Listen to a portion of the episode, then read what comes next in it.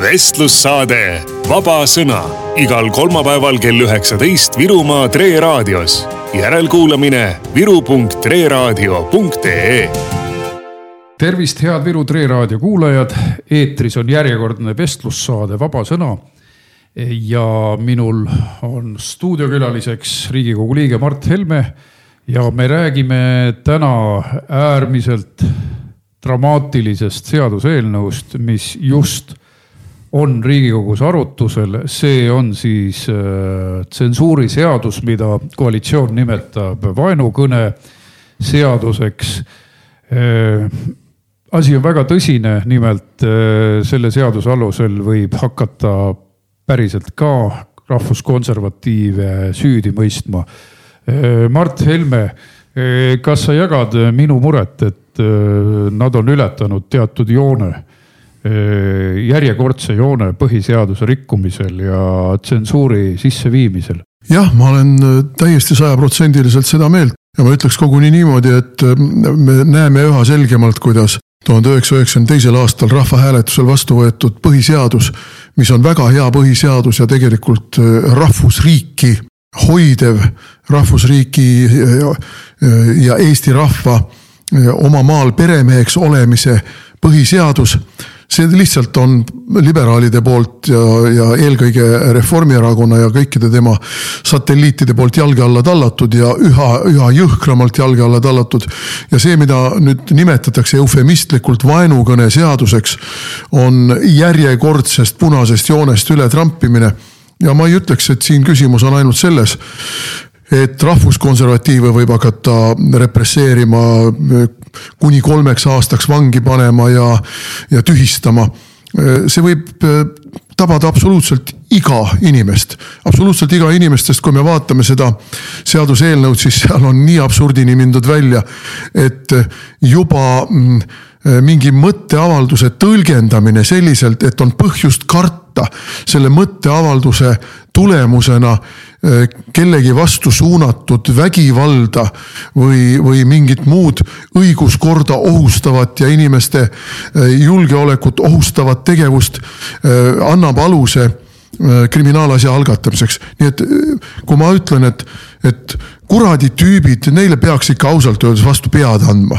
ükskõik, kas see on õuna, õunavarastele koht, õunavaraste kohta käib või on see äh, mõni, äh, ma ei tea, neegrite kohta käiv või on see veel kellegi kolmanda-neljanda kohta käiv, siis seda on võimalik tõlgendada niimoodi, ahaa ta on loonud eelduse vägivalla rakendamiseks ja nüüd tuleb ära võtta need võimalused, et see vägivald ka tegelikkuses rakenduks.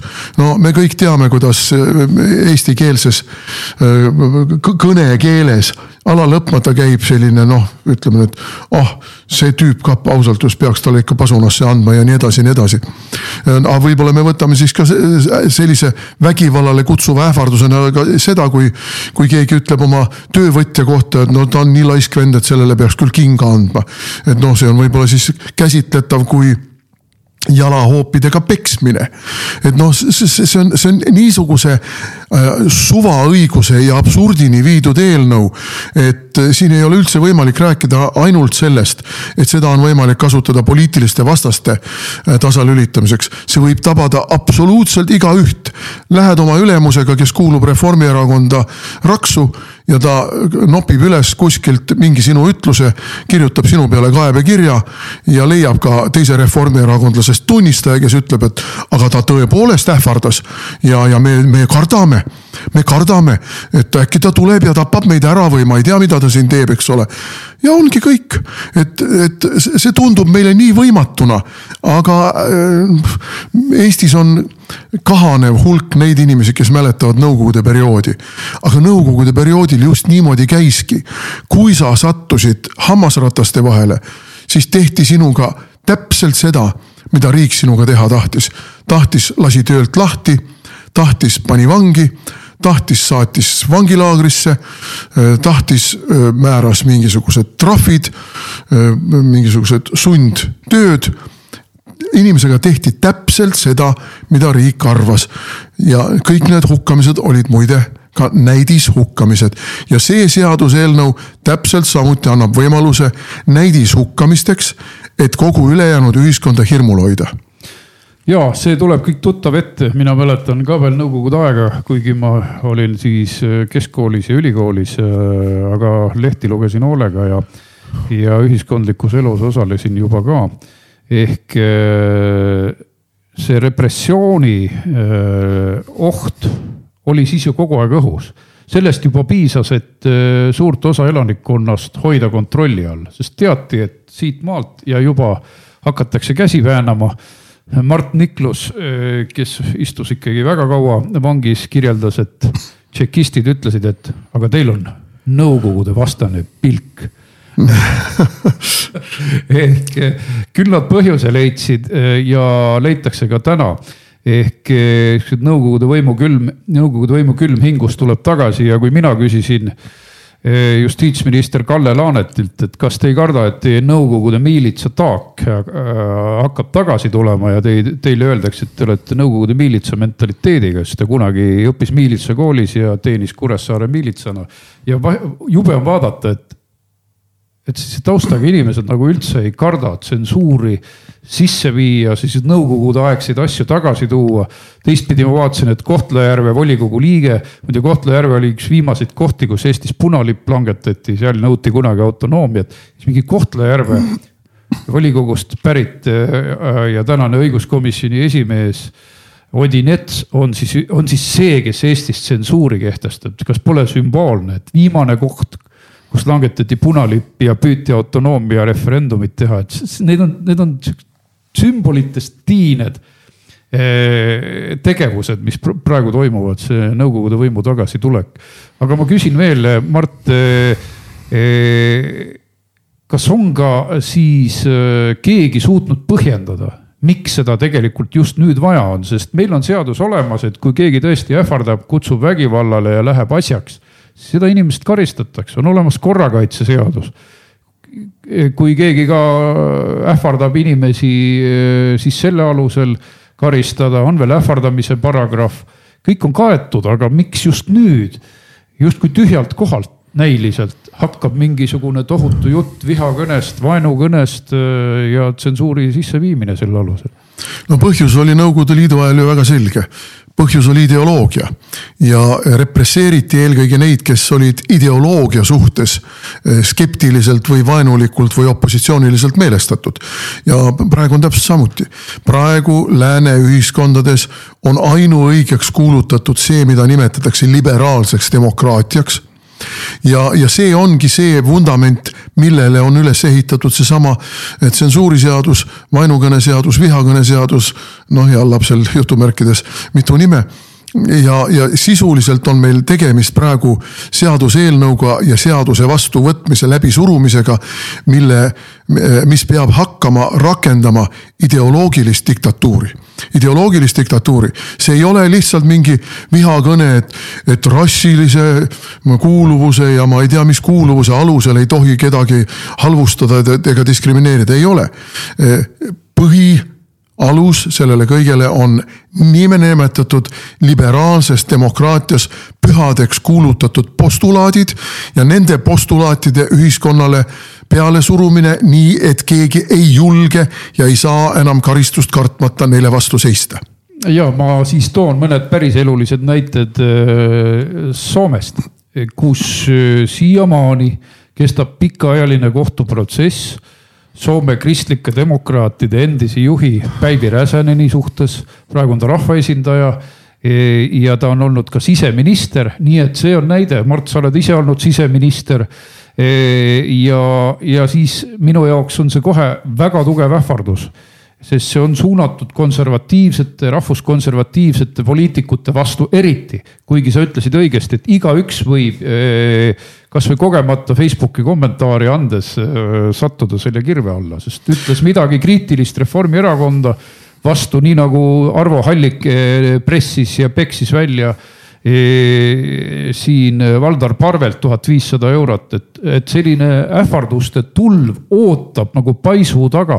ma tean, et ERR-i nõukogus me arutasime seda, et ERR tahab vihakõne monitoorimise käima panna. igal pool juba valmistatakse kallaletungideks, et Soome siseminister on aastaid sellepärast muide et ta tsiteeris siis piiblit ja ütles, et see homoseksuaalne eluviis on piibli silmis ebamoraalne sellest piisas, samamoodi oli kohtu all Luteri äh, siis ühe sihtasutuse juht, kes avaldas midagi kahe tuhande viie, kuuenda aasta paiku. see oli niivõrd vana Facebook või siis internetipostitus, ta läks kohtu alla. vot selliseid inimesi represseeritakse ja no see on puhas stalinism. see on ju täpselt see, mida me nägime, kui Nõukogude võim saabus Eestisse tuhande üheksasaja neljakümnendal aastal.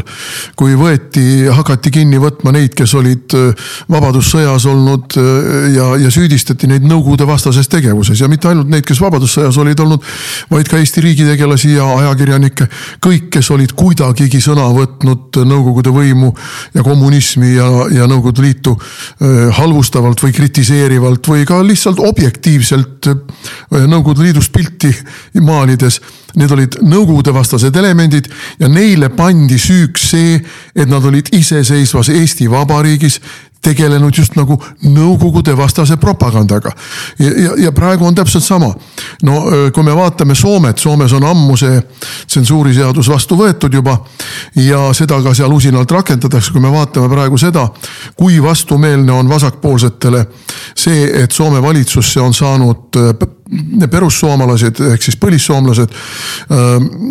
seal soojendatakse täpselt samuti üles mingeid kümne, kahekümne aasta vanuseid mingisuguseid seisukohti immigratsiooni vastu ja, ja lauseid, kus on kasutatud sõna neeger kakskümmend aastat tagasi keegi kirjutas kusagil mingis artiklis et neegrite koht ei ole Soomes, noh hea küll, ükskõik kuidas see täpselt esitatud oli. ja nüüd siis, kuna persud on jõudnud äh, valitsusse, otsivad vasakpoolsed need vanad aastatetagused laused üles, äh, raamistavad need loomulikult eriti süüdistavalt ja eriti halvustavalt ja eriti ühiskonda kuidagi nagu ohustavasse raami.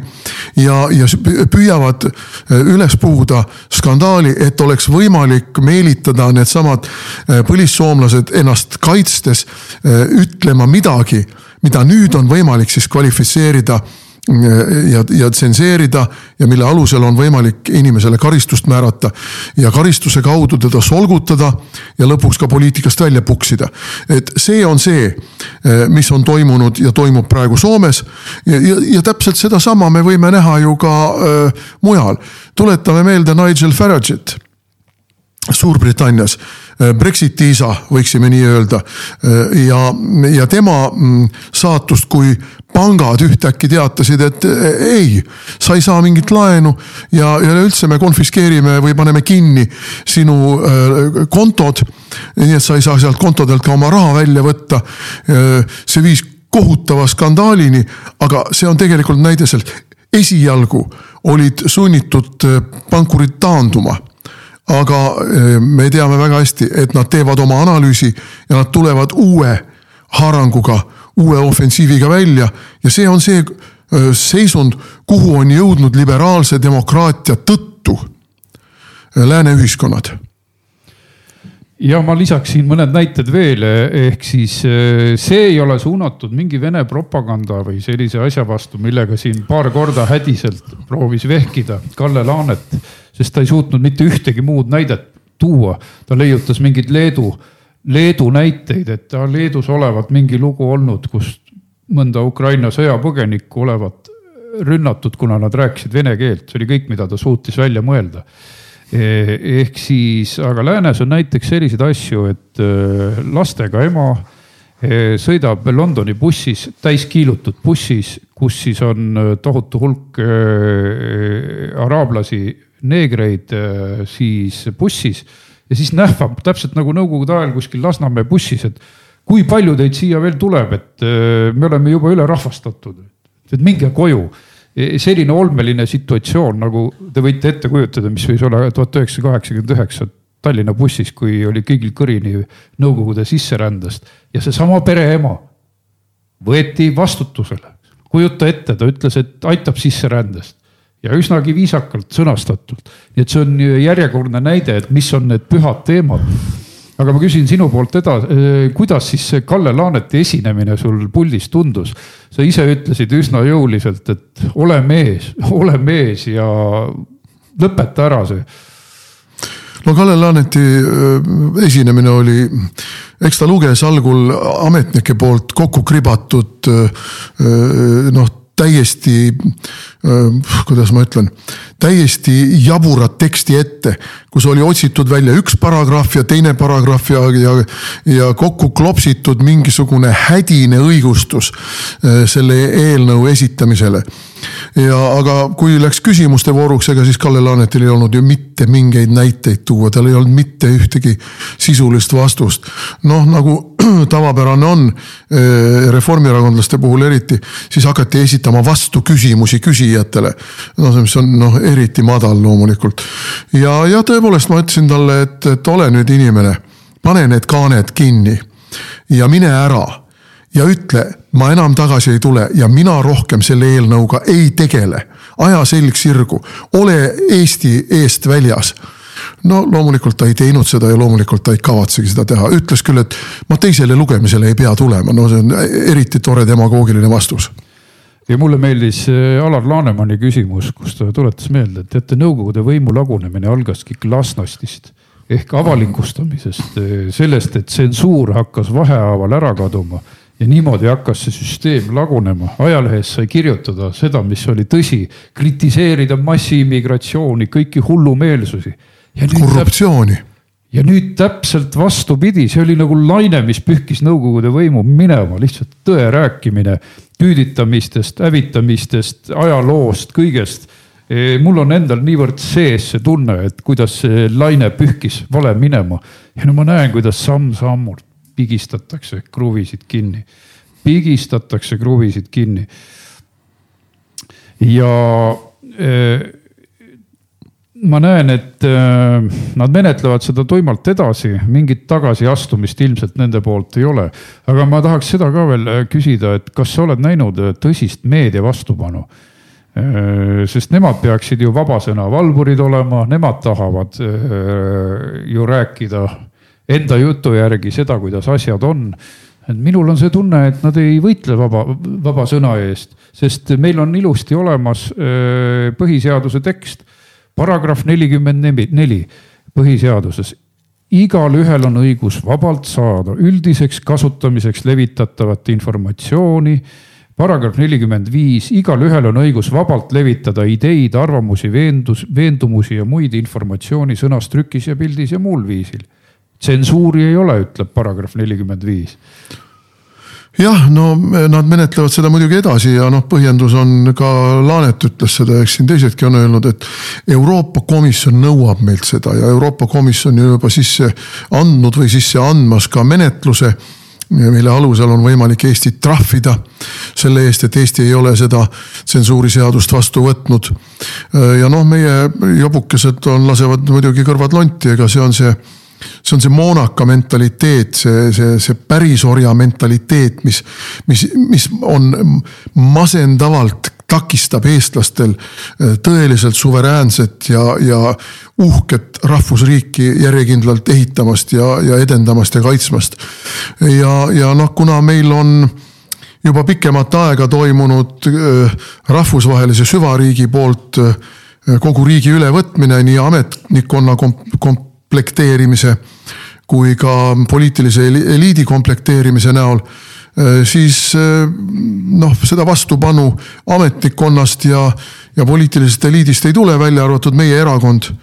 ja noh, siin mõned teised võivad ju ka mingeid poose võtta, aga, aga noh, me teame, et lõpuks lasevad nad kõik sabajalgade vahele ja, ja nõustuvad sellega, sest me ei saa midagi parata, me peame ikka oma liitlastega arvestama. no kui liitlased likvideerivad meie rahvusriiki, kui liitlaste mahitusel on Ukraina sõja ajal tulnud Eestisse e, praeguseks ma arvan juba suurusjärk umbes sada kakskümmend tuhat slaavlast, e, kõik nad ei ole sugugi ukrainlased, nagu neid ukrainlasteks nimetatakse. ja, ja, ja oma järge ootavad ka küll siin Moldovast ja küll siin ma ei tea veel kust tulemas. kui me vaatame seda, kuidas kuidas Karabahh kokku varises ja kuidas Armeenia riiklust ähvardab lõplik likvideerimine Türgi ja Aserbaidžaani ühistegevuse näol ja venelased lihtsalt äh, vaatavad irvitades pealt, öeldes, et aga ise te valisite endale selle Pašinjani, kes võttis lääne kursi. las nüüd lääneriigid aitavad teid NATO riigi Türgi vastu. et kui me kõike seda vaatame, siis ma ütlen nii, et süvariik on küll väga osav kõikvõimalikke infooperatsioone tegema ja inimesi maha võtma ja inimesi paika panema, aga riiki valitseda nad tegelikult ei oska. ja me oleme nüüd jõudnud Eestis no umbes viieteist aasta jooksul selle süvariigi mahinatsioonide tulemusel aetud asjade käigus sellesse faasi, kus nüüd ongi jõudnud olukord sellesse, et riiki valitseda ei osata. ei oska see süvariik ega ei oska tema marionetid ja ainus viis äh, stabiilsust nende seisukohast tagada on ühiskonnale suukorv pähe vajutada. ja pärast väikest pausi jätkame pisut teise nurga alt. vestlussaade Vaba Sõna ja me oleme stuudios tagasi, mina olen saatejuht Anti Poolamets ja ma usutlen täna siin Riigikogu liiget Mart Helmet. ja ma tahtsin veel küsida eh, täna Riigikogus olnud monumentide teemalise eh, seaduseelnõu kohta, mille president tagasi saatis, et me olime selle tagasisaatmisega nõus, aga me olime, me oleme põhimõtteliselt selle poolt, et Nõukogude monumendid äh, tuleb ka monumentaalosas äh, kõrvaldada või siis need fassaadid, mis on täis Nõukogude sümboolikat, tuleb üle vaadata. küll aga me olime selle poolt, et tuleks nad seadust täpsustada. et oleks selge, mida miski tähendab ja, ja, ja siis oleks vähem õiguslikke vaidlusi, et okupatsiooni õigustavaid sümboleid siis maha võtta või kinni katta. Äh, Mart, aga sina pidasid hiljuti ka ühe kõne seoses äh, pronkssõduri jätkuva olemasoluga äh, siselinna kalmistul ja ja kas sa võiksid kirjeldada, mis oli sinu sõnum? no minu sõnum oli lühidalt see, et neid nõukogudeaegseid mälestusmärke on, on väga erinevaid ja kõiki neid ei ole mõtet hakata ühe vitsaga lööma, see on ka jälle selline stalinistlik lähenemine. võtame kõik Vabadussõja monumendid maha, kõiki tegelikult ei võetud, neli tükki jäi alles. aga küsimus on selles, et kuskil võssa jäänud ja võib-olla üldsegi ilma Nõukogude sõdurite säilmeteta mingisugune hauamonument mida keegi isegi ei tea, kohalikud keegi ei tea õieti selle olemasolu. sellel ei ole mingit sümboolset väärtust. samuti kuskil mind ei häiri eriti, kui kuskil on mingisugune viisnurk maja seina peal, Stalini aegse maja seina peal. olgu pealegi, no me ei hakka siin mingit suurt kultuurisõda pidama. küll on aga oluline maamärk, pronkssõdur ja eriti oluline maamärk on ta siselinna kalmistul siseline kalmistu oli ikkagi lõppkokkuvõttes see koht, kuhu olid maetud meie vabadussõja, sõjas langenud, meie vabadussõja sangarid. hiljem maeti sinna peale Eesti Vabariigi, esimese Eesti Vabariigi ajal surnud sõjaväelasi. ta oli põhimõtteliselt meie sõjaväe kalmistu. ja hiljem loomulikult nii nagu öö, okupantidel ikka kombeks, lagastati ta ära sellega, et sinna hakati matma Nõukogude armee ohvitsere ja rohkem ongi seal praegu, kuna Vabadussõja hauasambad tehti maatasa ja, ja hauatähised, siis ongi seal praegu rohkem ju Kirillitsas äh, hauatähiseid koos kõigi nende Nõukogude armee ohvitseride piltidega. ja sellesse kohta pronkssõdur ei sobi, see on sõna otseses mõttes Vene maailma monumendi püstitamine Eesti rahvusliku kehandi sisse. ja e, minu sügava veendumuse kohaselt pronkssõdur tuleks sealt ära koristada ja võimalikult kiiresti ära koristada ja ära lõpetada ka kõik need sabatid, mida Eesti Vabariik vaatab jõuetult pealt, keelates ära öö, öö, kaitseväe juhtide tasemel mundris käimise üheksandal mail, sest see võib ärritada see võib ärritada, kujutad ette, see võib ärritada. ja, ja loomulikult on lihtsalt masendav see, et meie mingid kaplanid ja muud tegelased viivad Eesti kaitseväe poolt sinna ka pärgasid. kõigile langenutele, ei ole kõigile langenutele, ei ole kõigile langenutele. Need, kes langesid Eesti Vabariigi eest, nende haudadel tallab tänase päevani Vene sõduri kirsasaabas ja see oli minu äh, sõnavõtu põhisisu. suur tänu, Mart Helme, selle põneva intervjuu eest. ma loodan sind jälle Vabasõna stuudios näha. virumaalased ja kõik meid üle interneti kuulavad inimesed ootavad põnevaid etteasteid. Mart, sinult ka. suur tänu sulle, kuulmiseni. aitäh kuulajatele vestlussaade Vaba Sõna igal kolmapäeval kell üheksateist Virumaa Tre raadios. järelkuulamine viru.treraadio.ee